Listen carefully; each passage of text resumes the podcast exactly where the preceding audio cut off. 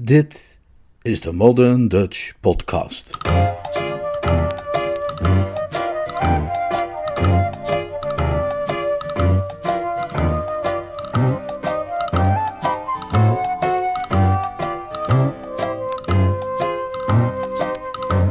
Jill the Musical.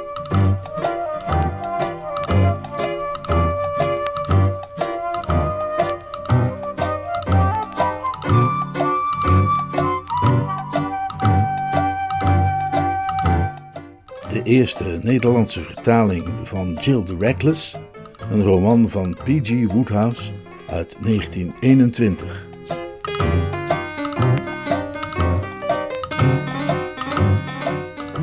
Vertaald en voorgelezen door Leonard Beuger.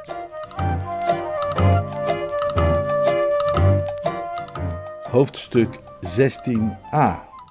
Mr. Goebel speelt met het lot. Aan de promenade van Atlantic City, de veelbeproefde badplaats die de bakermat is geweest van zoveel musicals, staat een restaurant dat dag en nacht open is onder hetzelfde management en al even gastvrij als het restaurant aan Columbus Circle waar Jill haar eerste maaltijd had genoten na aankomst in New York. Althans, die gastvrijheid is onstuimig manifest tijdens de uren van de dag waarop de mensen waken en werken, maar er zijn ook momenten waarop er in dat etablissement een bijna kloosterachtige rust heerst. En de klant, geïntimideerd door de kille stilte van het sneeuwwitte marmer en de zwijgende ernst van de in het wit gehulde bedienden, onbewust zijn stem dempt en probeert voetengeschuifel en ander geruis te voorkomen, zoals iemand die een tempel bezoekt.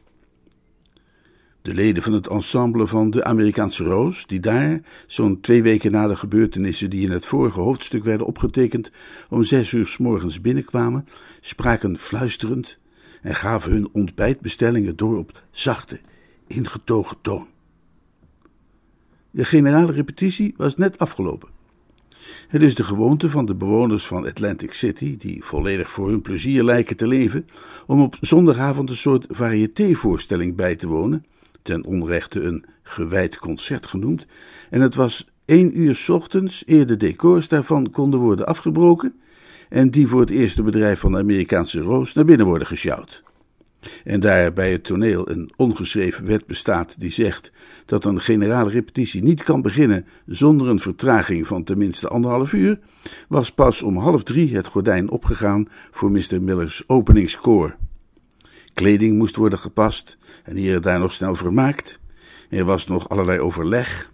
Een eindeloze ruzie tussen de regisseur en een mysterieuze figuur in hemdsmouwen over het licht. Nog meer gedoe over de kleding. Nog meer overleg. Geharrewar over de decors. En een nieuwe hooglopende ruzie over blauwen en ambers. En over het beheer van de volgspot. Die werd bediend door een onzichtbare maar klagende stem. Aangeduid met de naam Charlie ergens achteraan op het hoogste balkon. Maar om zes uur had men een volledige, zij het nogal rafelige doorloop achter de rug. En de dames van het ballet, die sinds het diner van de avond tevoren niets meer te eten hadden gekregen, waren de hoek omgestrompeld ten einde een hapje ontbijt te bemachtigen, alvorens naar bed te gaan. Ze vormden een gehavend en afgepeigerd gezelschap. Sommigen met donkere kringen onder de ogen, anderen met het onnatuurlijke scharlaken nog op de wangen van de make-up die ze te moe waren geweest om eraf te halen.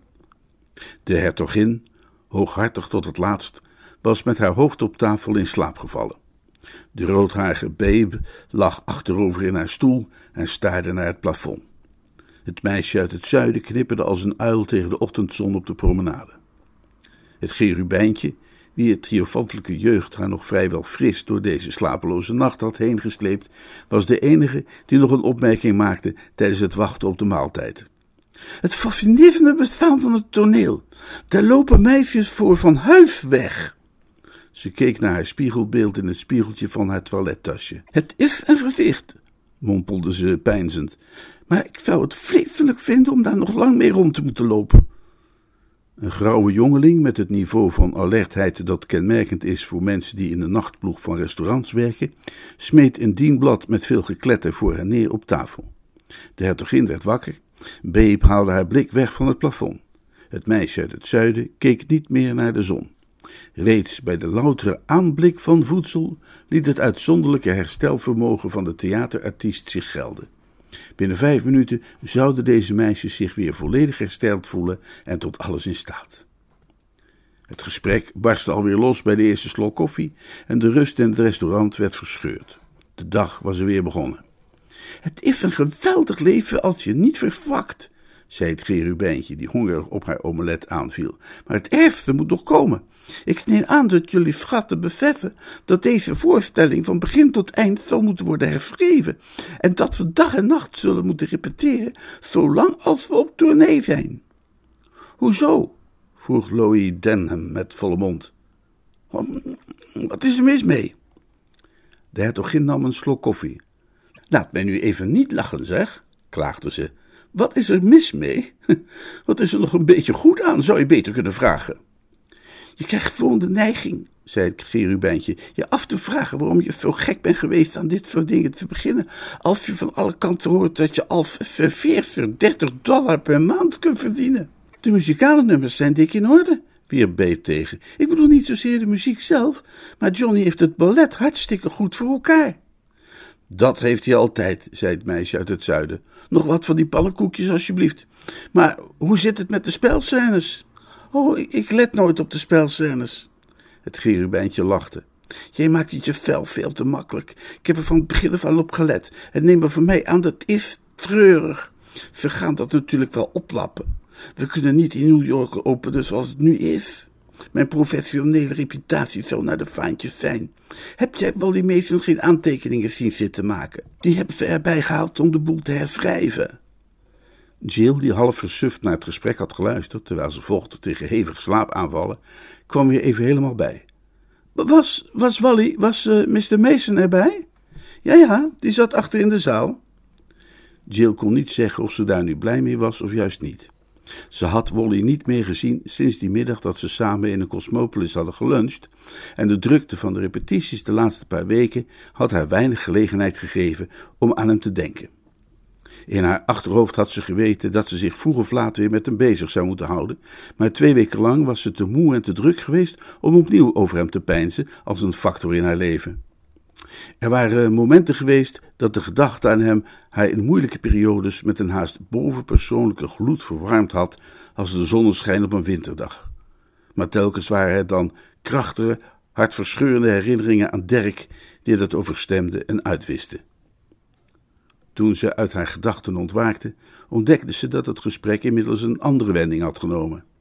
En het ergste is nog, zei het cherubijntje, dat we straks de hele dag moeten repeteren en elke avond de voorstelling spelen en ons uit de naad werken en dat ze dan, als alles voor elkaar is, een van ons gaan ontslaan.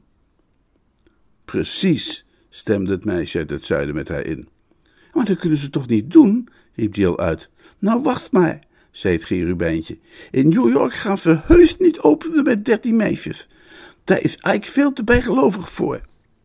Maar dat kunnen ze toch niet doen als we allemaal zo hard gewerkt hebben? Er klonk een algemeen sardonisch gelach. Jill's opvatting over de ridderlijke aard van theaterproducenten leek aanzienlijk positiever te zijn dan die van haar meer ervaren collega's. Die gasten doen gewoon wat ze willen, verzekerde het cherubijntje haar. Je weet nog niet half hoe ze zijn, lieverd, spotte Lois Denham. Je weet nog niet half hoe ze zijn. Wacht maar, tot je in net zoveel stuk hebt gezeten als ik, zei Babe, terwijl ze met haar rode lokken schudde. Het is doodnormaal om een meisje tijdens de try-out zich kapot te laten werken en haar dan vlak voor de première in New York te ontslaan. Maar dat is toch schandalig? Dat is niet eerlijk. Als je eerlijk behandeld wilt worden, zei de hertogin met een lange geel, dan moet je niet in het theater gaan werken. En na dat onbetwistbare axioma te hebben uitgesproken, viel ze weer in slaap. Het inslapen van de hertogin was het zijn tot de algemene aftocht. Haar slaperigheid was aanstekelijk. Het opwekkende effect van de maaltijd begon af te nemen. Er stond een balletrepetitie op het schema om vier uur en het leek een verstandig plan om naar bed te gaan en te gaan slapen nu er even tijd voor was. De hertogin werd uit haar dromen gewekt met behulp van een ijsblokje uit een van de bekers. Rekeningen werden betaald en het gezelschap begaf zich geeuwend en babbelend in het zonlicht op de lege promenade. Jill maakte zich los van de groep en liep naar een bankje met uitzicht op zee. De vermoeidheid was als een lode gewicht over haar heen gekomen en had alle kracht uit haar ledematen geperst. De gedachte naar haar pension te moeten lopen, waar ze uit zuinigheidsoverwegingen een kamer deelde met het cherubijntje, verlamde haar. Het was een volmaakte ochtend, helder en onbewolkt, met de lauwe frisheid van een dag die later een stuk warmer wil worden. De zee schitterde in de zon. Kleine golfjes braken loom op het grijze zand. Jill sloot haar ogen, want de helderheid van de zon en het water waren te vermoeiend en haar gedachten gingen terug naar wat het cherubijntje had gezegd. Als Wally het stuk echt ging herschrijven, zou dat hen samenbrengen. Ze zou hem niet kunnen ontlopen en ze wist niet zeker of ze wel klaar voor was hem weer te ontmoeten. Anderzijds zou hij iemand zijn waar ze mee kon praten over andere onderwerpen dan altijd en eeuwig over het theater. Iemand die bij haar oude leven hoorde. Aan Freddy Roek had ze in dat opzicht niets meer, want Freddy, helemaal vol van zijn nieuwe verantwoordelijkheden als acteur, was wel de ergste in het hele gezelschap en kon nergens anders meer over praten dan over het stuk en het vak. Freddy weigerde tegenwoordig ieder onderwerp van gesprek zelfs maar in overweging te nemen dat niets te maken had met de Amerikaanse roos in het algemeen en zijn aandeel daarin in het bijzonder.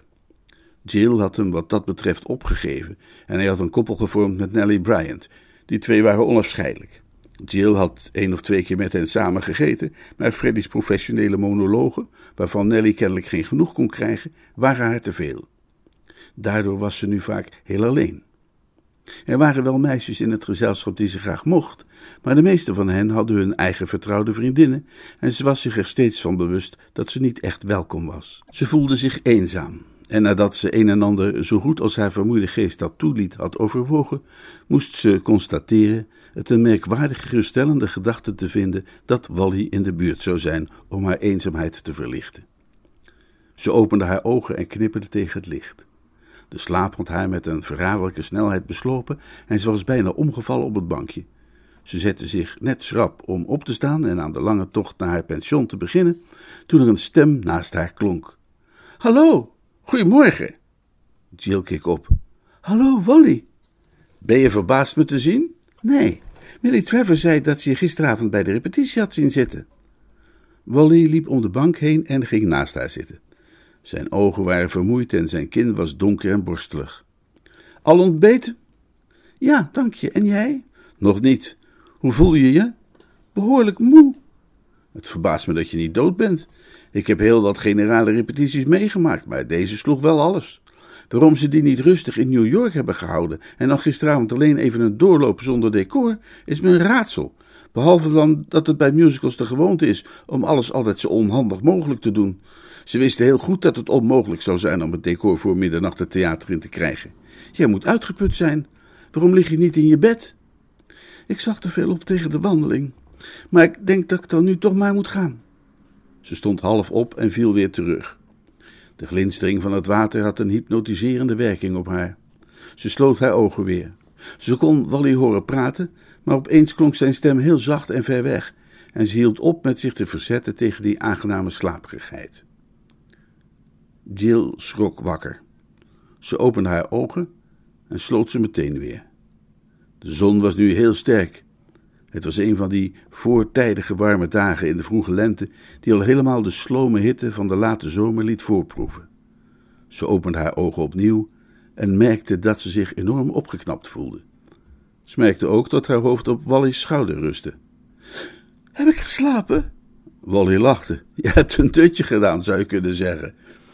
Hij masseerde krachtig zijn linkerarm. Je had het kennelijk nodig. Voel je je nu meer uitgerust? Goeie genade.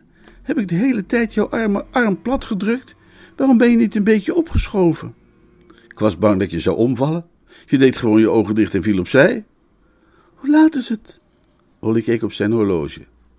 Bijna tien uur. Tien uur? Jill was geschokt. Joh, dan heb ik je bijna drie uur kramp bezorgd. Dat moet een ontzettende tijd geweest zijn. Ach, dat viel wel mee. Ik denk dat ik zelf ook ben ingedommeld. Behalve dat de vogels ons niet zijn komen bedekken met bladeren, was het net zoiets als in dat verhaal van de kinderen in het bos. Maar nu heb je nog niet ontbeten. Heb je geen honger? Nou, ik zou niet willen beweren dat ik een gebakken ei niet grif te lijf zou gaan als er een voorbij komt drijven, maar daar hebben we nog tijd genoeg voor. Veel dokters zeggen trouwens dat je beter niet zou kunnen ontbijten. En Indiase fakirs leven dagen achtereen zonder voedsel om hun ziel te helpen ontwikkelen. Zal ik je naar je logeeradres terugbrengen? Je moet nu echt even in een echt bed gaan slapen. Van dat terugbrengen, daar komt niks van in. Schiet op en ga ergens wat eten. Ach, dat kan wel wachten. Ik breng je graag veilig naar huis. Jill had opnieuw dat gevoel van troost bij hem. Er was geen twijfel over mogelijk. Wally was anders dan elke andere man die ze had gekend. Ze voelde zich ineens schuldig, alsof ze zich onder valse voorwenselen iets waardevols toe-eigende. Wally? Hallo? Jij, jij zou niet zo aardig voor me mogen zijn. Onzin, wat kan het voor kwaad om een helpende hand of arm te bieden aan een bevriend iemand die dat nodig heeft? Nee, je weet wat ik bedoel. Ik kan niet, dat is te zeggen, het is niet zo dat. Ik bedoel, Wally vertoonde een vermoeide, vriendelijke glimlach. Als je probeert te zeggen wat ik denk dat je probeert te zeggen, doe dat dan maar niet. We hebben dat twee weken geleden allemaal besproken. Ik begrijp de situatie heel goed. Je moet je er geen zorgen over maken. Hij nam haar bij de arm en ze staken de promenade over. Gaan we de goede kant op? Wijs me maar de weg. Ik weet precies hoe je je voelt. We zijn oude vrienden en meer niet. Maar als oude vriend eis ik het recht op om me dan ook als een oude vriend te gedragen. Als een oude vriend zich niet kan gedragen als een oude vriend, hoe kan een oude vriend zich dan wel gedragen? Hm? Maar verder schrappen we dat hele onderwerp uit onze conversatie. Of uh, ben je misschien sowieso te moe voor een gesprek? Nee hoor. Dan zal ik je vertellen over het droevige verscheiden van de jonge Mr. Pilkington. Wat? Nou ja, als ik verscheiden zeg, gebruik ik dat woord in min of meer overdrachtelijke zin. Die menselijke giraf haalt nog steeds adem. En ik kan me voorstellen dat hij, gezien de snelheid waarmee hij na ons afscheid vanmorgen terugliep naar zijn hotel, ook nog steeds voedsel tot zich neemt. Maar dood is hij. Zijn hart is gebroken. We hadden overleg na de generale repetitie en onze vriend Mr. Goebel vertelde me in niet mis te verstaande bewoordingen. Ik heb in mijn hele loopbaan nooit bewoordingen mogen vernemen die minder mis te verstaan waren. Dat zijn godsgruwelijk waardeloos valse alarm van een musical voor bleke studiebollen, ik citeer Mr. Goebel, zou moeten worden herschreven door vreemde handen. En dit zijn die vreemde handen. Rechts een vreemde rechterhand en links een vreemde linkerhand. Ja, ik ben het instrument dat is geselecteerd voor de moord op Pilkingtons artistieke aspiraties. Ik ga dat stuk herschrijven. In feite heb ik het eerste bedrijf en het grootste deel van de tweede al herschreven. Uh, Gobel had deze onvoorziene gebeurtenis al voorzien en mij twee weken geleden vast aan het werk gezet. Ik heb sindsdien hard doorgewerkt. We beginnen morgen met de repetities voor de nieuwe versie en aanstaande maandag gaan we in Baltimore met praktisch een ander stuk in première. En dat wordt een klapper, als je het mij vraagt, zei onze held bescheiden. Een bataljon componisten werkt al twee weken in ploegendienst en als we bijna alle oorspronkelijke muziek eruit hebben gegooid, hebben we straks een prima partituur. Voor jullie betekent het wel hard werken, vrees ik. Alle dansnummers zullen een nieuwe choreografie moeten krijgen. Ik, ik hou wel van hard werken, zei Jill, maar het spijt me voor Mr. Pilkington. Nou, met hem zit het wel goed. Hij bezit 70% van de voorstelling. Hij kan er een fortuin aan verdienen. Een leuk bedrag gaat het in elk geval voor hem opleveren. Dat wil zeggen, als hij zijn aandeel niet in woede verkoopt of uit verontwaardiging, als je dat liever hebt. Gezien wat hij aan het eind van ons overleg zei, zou het best eens kunnen dat hij het gaat verkopen aan de eerste de beste die het wil hebben. Hij zei tenminste dat hij niets meer met het stuk te maken wilde hebben. Hij gaat vanmiddag terug naar New York. Hij wil zelfs de première niet afwachten. Natuurlijk, maar spijt het in zekere zin ook voor die arme kerel. Maar hij had niet het recht om op basis van het uitstekende centrale idee dat hij had, zo'n waardeloos stuk in elkaar te flansen. Oh, trouwens, ja? Nog een tragedie. Onvermijdelijk, maar wel zielig. Onze arme vriend Freddy, die ligt eruit. Oh nee toch? Eruit, herhaalde Wolly resoluut. Maar vond je hem dan gisteravond niet goed? Hij was verschrikkelijk. Maar dat is niet waarom. Kobo wilde dat zijn rol herschreven werd als een schot om McAndrew te kunnen engageren. Die kerel die vorig seizoen zo'n hit heeft gescoord met Hootsman. Dat soort dingen heb je altijd bij musicals. Je moet de rollen aanpassen voor eventuele goede spelers die op dit moment beschikbaar zijn. Mijn hart bloedt voor Freddy, maar wat doe je eraan? Hij is in elk geval minder slecht af als een kerel die in een van mijn stukken zat. In het tweede bedrijf moest hij zogenaamd net ontsnapt zijn uit een gesticht en de lui van de productie stonden er in een vlaag van realisme op dat hij zijn hoofd kaal zou scheren. Maar de dag nadat hij dat had gedaan, hoorden ze dat een veel betere komiek beschikbaar was gekomen en hebben ze hem ontslagen. Het is een keihard wereldje.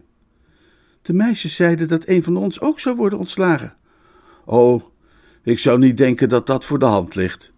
Ik hoop in elk geval van niet. Ik ook. Um, waarom staan we hier stil? Jill was blijven staan voor een armoedig ogend huis.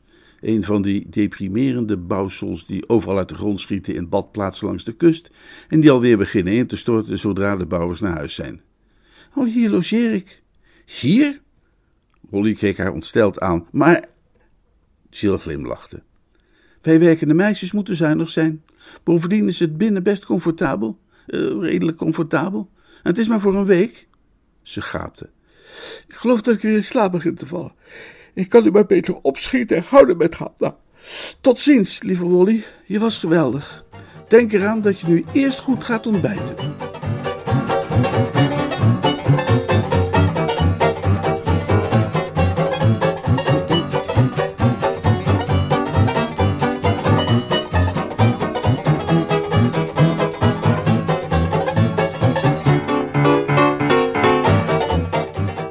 Toen Jill om vier uur in het theater arriveerde voor de balletrepetitie, was de verwachte klap nog niet gevallen. Er waren zo te zien nog geen stappen ondernomen om het dertiende meisje te elimineren, wie aanwezigheid in het gezelschap de bijgelovige geest van Mr. Goble bedreigde. Maar haar collega's trof ze nog altijd aan in een toestand van pessimistische afwachting. Fatum was het sombere motto van het ballet van de Amerikaanse roos. De repetitie verliep zonder perikelen. Dat duurde zes uur, waarna Jill, het gerubijntje en twee of drie van de andere meisjes ergens snel even iets gingen eten, alvorens terug te keren naar het theater voor de griem. Het werd geen vrolijke maaltijd. De overmatige inspanning van de vorige nacht had zijn terugslag en het was nog te vroeg voor de uitbundigheid rond de première. Iedereen, zelfs het gerubijntje, wie goede humeur hij zelden in de steek liet, was depressief en het algemene gevoel van dreigend onheil was sterk toegenomen. Het leek alsof er nu alleen nog maar gespeculeerd kon worden over wie het slachtoffer zou worden. En het gesprek gaf Jill, die de laatste toevoeging was geweest aan het gezelschap en daarmee de oorzaak van de uitbreiding van het ballet tot aan het ongeluksgetal, een schuldgevoel. Ze was blij toen het tijd was om weer naar het theater te gaan. Op het moment dat zij en haar metgezellen de kleedkamer binnenkwamen, werd hen meteen duidelijk dat het onheil was geschied. In een stoel in de hoek, al haar hooghartigheid en valse schijn weggevaagd in een stroom van tranen, zat de ongelukkige hertogin, het middelpunt van een groep meisjes die er wel graag wilden troosten, maar hun mogelijkheden daartoe beperkt zagen tot af en toe een schouderklopje en het aanbod van een verse zakdoek. Het is echt schandalig, schat, zei iemand toen Jill binnenkwam. Iemand anders verklaarde dat het heftig was, en een derde meisje noemde het God geklaagd. Een vierde meisje, goed bedoeld maar minder behulpzaam dan ze had gewild, raadde het slachtoffer aan zich geen zorgen te maken. Het verhaal van de ramp was kort en snel verteld. De hertogin was toen ze de artiesteningang kwam binnenwaaien bij de postvakjes blijven staan om te zien of Cuthbert, haar trouwe autoverkoper, haar misschien een telegram met goede wensen had gestuurd. Dat had hij, maar die werden helaas geneutraliseerd door het feit dat de volgende brief in haar vakje er een was van de productie, even beknopt als helder, waarin de hertogin werd meegedeeld dat er vanaf hedenavond niet langer behoefte was aan haar diensten. Het was vooral de geraffineerde krenterigheid van dit ontslag die verontwaardiging had gewekt bij het bolet van de Amerikaanse roos, de venijnige sluwheid van het tijdstip waarop. Arme May. Als ze vanavond was opgetreden, hadden ze haar twee weken opzegtermijn moeten geven of haar salaris. Maar nu kunnen ze haar zonder een cent op straat zetten, omdat ze alleen nog maar heeft gerepeteerd en niet in de voorstelling heeft gezeten. De hertogin barstte uit in een nieuwe vloedgolf van tranen. Maak je geen zorgen, schat, adviseerde het goedbedoelende meisje, dat in haar element zou zijn geweest als ze bij Job was langsgegaan, samen met Bildad de Suhit en zijn andere vrienden. Maak je geen zorgen. Het is heftig, zei het meisje dat die vorm van verbale troost had verkozen. Het is schandalig, zei het meisje dat aan dat adjectief de voorkeur gaf. Het derde meisje herhaalde, met het air van iets nieuws te zeggen, haar verklaring dat het God geklaagd was. De hertogin huilde de hele tijd treurig. Ze had dit engagement hard nodig gehad. Het salaris van een balletmeisje is niet kolossaal, maar het is mogelijk om er wat van te sparen als je met een voorstelling in New York staat. Zeker als je drie jaar in een naaiatelier hebt doorgebracht en je je eigen kleding kunt maken, zoals de hertogin, hoewel ze altijd deed alsof die uit een modewinkel op Fifth Avenue afkomstig was. Ze had er naar uitgekeken. Nu dit absurde stuk zou worden herschreven door iemand die zijn vak verstond en een goede kans maakte een succes te worden, om die paar dollars opzij te kunnen zetten die nu net het verschil maken als je wilt gaan trouwen. Cuthbert kon, ondanks al zijn trouw, de financiële kant van hun huishouden niet in zijn eentje verzorgen, en deze ramp betekende dat de bruiloft opnieuw zou moeten worden uitgesteld. En dus zat de hertogin, ondaan van haar aristocratische stijl, die door sommige van haar collega's als bekakt en door anderen als ritzy werd bekritiseerd, daar treurig op een stoel en verbruikte droge zakdoeken in hetzelfde tempo als ze haar werden aangereikt. Jill was het enige meisje in de kleedkamer geweest dat geen woorden van troost had gesproken. Het was niet omdat ze geen medelijden had met de hertogin. Ze had toch nooit van haar leven zoveel medelijden met iemand gehad. De treurigheid van die snelle afdaling van trots en eigendunk naar diepe ellende had haar gevoelige hart pijnlijk getroffen. Maar ze weigerde de banale woorden van de anderen te herhalen. Woorden baten hier niet, dacht ze, terwijl ze haar scherpe tanden op elkaar zette en het afwezige management in de ogen keek. Het management dat zich op dit moment waarschijnlijk te goed zat te doen aan een luxueus diner in een van de grote hotels. Daden waren wat ze eiste. Haar hele leven was ze een impulsief type geweest en ook nu wilde ze impulsief iets doen. Ze was in ongeveer dezelfde berserkersstemming als waarin ze woedend de verdediging van Bill de papegaai ter hand had genomen bij diens geschil met de Londense Henry. Haar vechtlust, die door de nachtelijke repetitie goed deels was weggevloeid, was weer helemaal terug. Wat ga je eraan doen? riep ze. Je gaat er toch wel iets aan doen? Doen? De leden van het ensemble van de Amerikaanse Roos keken elkaar weifelend aan. Eraan doen? Het was niet bij ze opgekomen dat er iets aan te doen was. Dit soort dingen gebeurt nu eenmaal en dat is ontzettend vervelend, maar wat zou je daarin kunnen doen? Jill's gezicht zag bleek en haar ogen vlamden. Ze overheerste de kamer vol meisjes als een kleine Napoleon. De verandering die in haar had plaatsgevonden deed hen schrikken. Tot nu toe hadden ze haar altijd gezien als een uitzonderlijk bescheiden meisje. Ze was steeds opvallend aardig geweest voor iedereen. Iedereen mocht haar graag, maar ze hadden nooit vermoed dat ze ook deze militante kant bezat. Niemand zei iets, maar er was algemene opschudding. Ze had een nieuw idee gelanceerd en dat begon gehoor te vinden. Iets doen? Ja. Als puntje bij paaltje kwam, waarom niet? We zouden allemaal moeten weigeren om vanavond op te gaan, tenzij ze mee ook op laten gaan, verklaarde Jill. De opschudding werd een beweging. Enthousiasme is aanstekelijk en elk meisje is in haar hart een rebel. En het idee sprak tot de verbeelding. Weigeren op te treden bij de première. Had een ballet ooit zoiets gedaan?